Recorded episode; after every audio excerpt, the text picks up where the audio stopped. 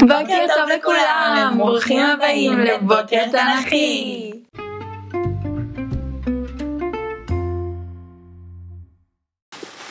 היום נדבר על נושא שעלה לאחרונה הרבה בכותרות, סיפורה של האישה שאיבדה הכל. מה קרה לנעמי? ומי זו באמת רות? את כל זה ועוד נגלה היום בתוכנית שלנו. אקסו אקסו, בוקר תנ"כי.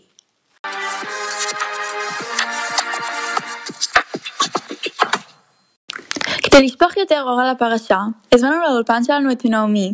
קבלו אותה! יואו, איזה כיף ככה להיכנס לאולפן, שכולכם מתוקים וחמודים, בוקר טוב לכם. בוקר טוב גם לך, נעמי, מה שלומך? יום נורא. קמתי היום בבוקר והשיער שלי הפוך לגמרי, ואז באתי בבוקר וניסיתי לצחצח שיניים, וכל המשפחה נברחה לי על כל הפנים, ואחר כך נסעתי באוטו, והיו פקקים לא נורמליים, ואז עד שהגעתי לפה והייתי נראית כמו בטטה. אבל מה שלומך? אה, אני האמת דווקא בסדר, פשוט יש לי מלא שאלות לשאול אותך, אז אה, אולי כדי שנתחיל? טוב, סבבה. אוקיי, אז אה, משהו שהרבה מהמאזינים שלנו רצו לדעת, זה מה באמת חשבת על רות ועורפה כשהבנים שלך פגשו אותם לראשונה. אז ככה, בהתחלה הייתי מאוד נגד. למה שהבנים שלי יתחתנו עם נשים אוהביות? באיזה סרט ואיזה עולם? זה בהחלט לא מתקבל. אני כמובן התנגדתי, אבל הבנים מאוד התעקשו, ולבסוף השתכנעתי בגלל אלימלך, אהובי, זיכרונו לברכה. הם התחתנו, ולאט לאט התחלתי לחבב אותן. בעיקר את רות. היא תמיד הייתה כל כך אדיבה, ואכפתית, והערכתי את זאת מאוד. זה לא מובן מאליו היחס המקסים שקיבלתי, לעומת היחס הנוראי שהיא קיבלה ממני בהתחלה. אני מתחרטת את התנהגותי אליה כל, כל יום. את עורפה למדתי גם לאהוב עם הזמן. איתה היו לי יחסים יותר קשים. היא תמיד ניסתה להיות נחמדה, אבל שמתי לב שבפנים היא כעסה עליי ולא חיבבה אותי כל כך. קיליון פנה אליי יום אחד ואמר לי שעורפה מאוד מדוכאת, מכך שאת רות אני אוהבת יותר. אבל מה לעשות, שהיא יותר אדיבה. מפה לשם הוא ביקש שאני אתייחס לעורפה אותו דבר, וכך עשיתי. בואו נגיד את זה ככה, שלא התבאסתי שהיא בחרה לא להמשיך איתי ועם רות. העדפתי את רות. וואי, נשמע קשוח ברמות. וכשאמרת לרות ועורפה לחזור למואב חזרה ולחיות את חייהן שם, באמת התכוונת לזה?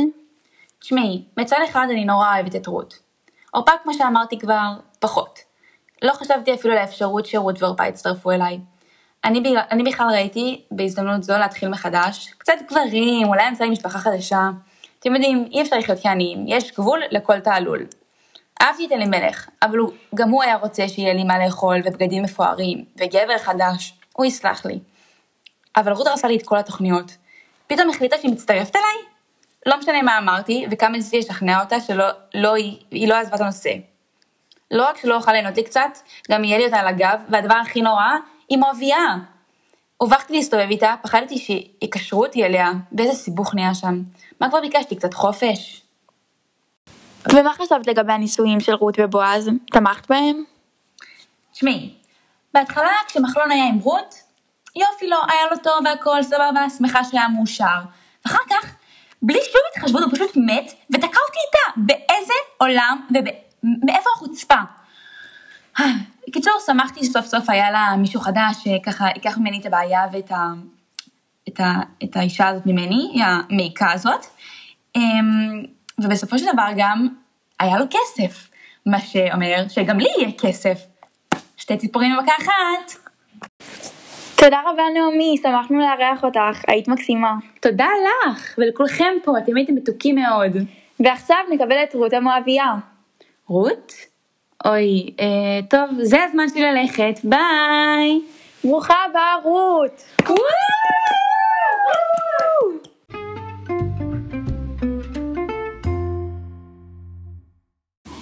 בוקר טוב רות, מה שלומך? בוקר טוב, אני מעולה.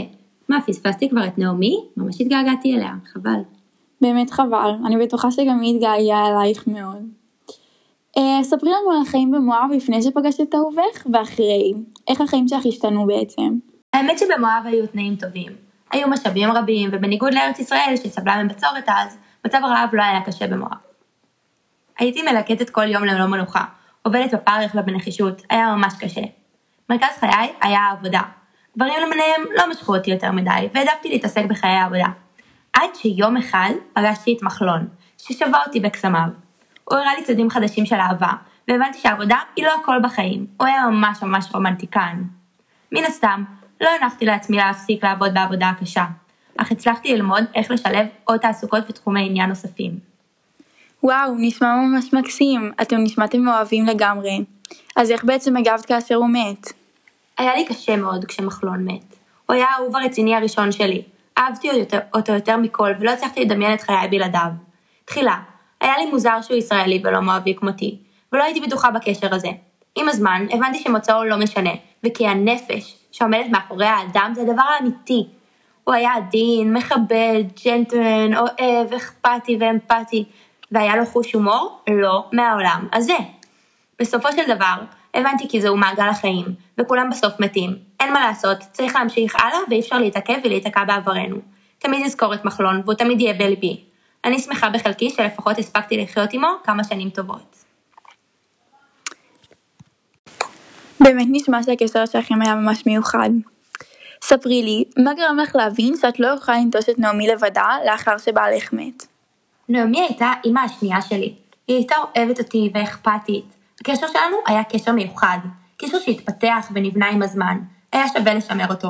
מהרגע הראשון שפגשתי אותה, ראיתי בה משהו מיוחד. משהו אימהי ואוהב ודואג, אך היא לעומתי לא הייתה מעריצה גדולה שלי. היא לא הראתה סימני אהבה כלפיי. הדברים שהי, שהייתי אומרת לה לא תמיד עניינו אותה. לא תמיד, זה לרוב. ראו עליה שהיא לא תומכת בקשר שלי עם מחלון. ואיך הגבת ליחס הזה? מה חשבת?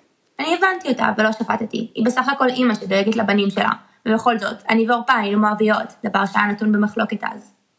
אני לא ויתרתי על הקשר שלי עם נעמי. אי הרצון שלה לתקשר איתי הגביר את נחושתי לגרום לנעמי לגלות אהבה כלפיי, ובסופו של דבר, הצלחתי. אני ונעמי היינו בסופו של דבר חברות הכי טובות. האהבה שלנו הייתה אחת לשנייה אינסופית. וואו, כל הכבוד. נשמע שממש התגברתן על כל המשברים. אבל את לא מרגישה שהקשר עם נעמי קצת תקע אותך בעבר, לאחר מותו של מחלון? נהפוך הוא, ראיתי בנעמי אזכור למחלון. לפחות, משהו אחד שיישאר איתי לאחר המוות הכואב שלו. הבנתי כי עם נעמי בחיי, אני עוד אחיה חלק מאהבתי למחלון. גורם נוסף שגרם לי להישאר, היה הבדידות שלה. היא הייתה כולה לבדה. בעלה ושני בניה הלכו לעולמם, והבנתי כי היא צריכה סביבה תומכת ואוהבת. אני רציתי להיות שם בשבילה, לתת את החיבוק החם והאוהב, לגרום לה להרגיש רצויה. לפיכך, לפיכך, הבנתי כי עליי להישאר עימה ולהתלוות אליה חזרה לארץ ישראל. התעקשתי והתעקשתי עד שהסכימה שאבוא. לא נראה לי מתחרטת. וואו, נשמע שהייתם ממש מאוהבים. איך הצלחת לעבור מאהבה כזאת גדולה לגבר אחר? כמו שאמרתי כבר קודם, חייבים להמשיך הלאה. אי אפשר להמשיך לבכות עד סוף החיים על מחלון. הוא מת ואין מה לעשות עם זה כרגע.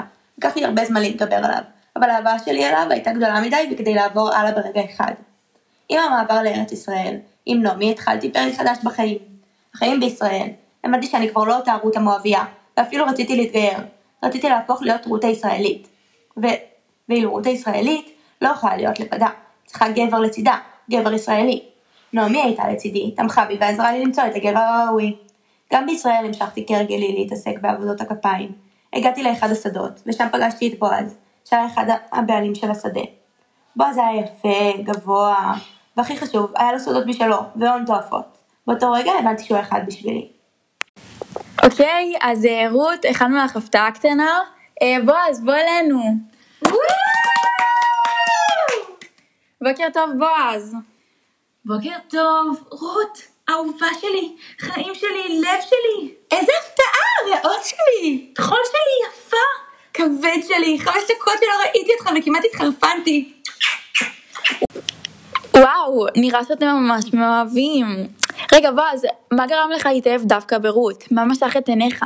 תסתכלי עליה, איך אפשר שלא להתאהב? איך אפשר שלא להתאהב? תראי אותו, אין גברים כאלה, לא מייצרים כאלה עוד היום. מקסימים. אה, אבל בואו נחזור לשאלה. הרי אנחנו יודעים שיכולת להשיג כמעט כל אחת. למה דווקא רות? תשמעי, ביום מן הימים הגיעה קרובת משפחה שלי נעמי, ולצידה הפתעה קטנה וחמודה. היא הייתה כולה מחויכת, זוהרת וקורנת, לא יכולתי להפסיק להסתכל עליה. עיניה החמות ושערה הגולש משכו את עיניי. פשוט עוצרת נשימה. ראיתי שלמרות כל הקושי שחוותה, בכל זאת, מאוהבייה ענייה שמגיעה לישראל זה לא צחוק.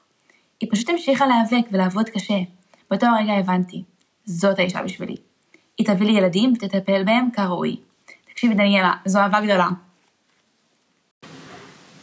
מהרגע שנפגשנו, הבנו שאנחנו מאוהבים. הם מאוהבים?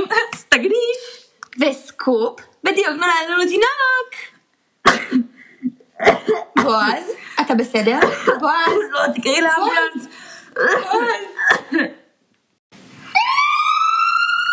אמ, טוב, טוב, תודה שהצטרפתם אלינו לבוקר תנ"כי, אה, ניפגש גם מחר בבוקר כרגיל, אה, יום טוב.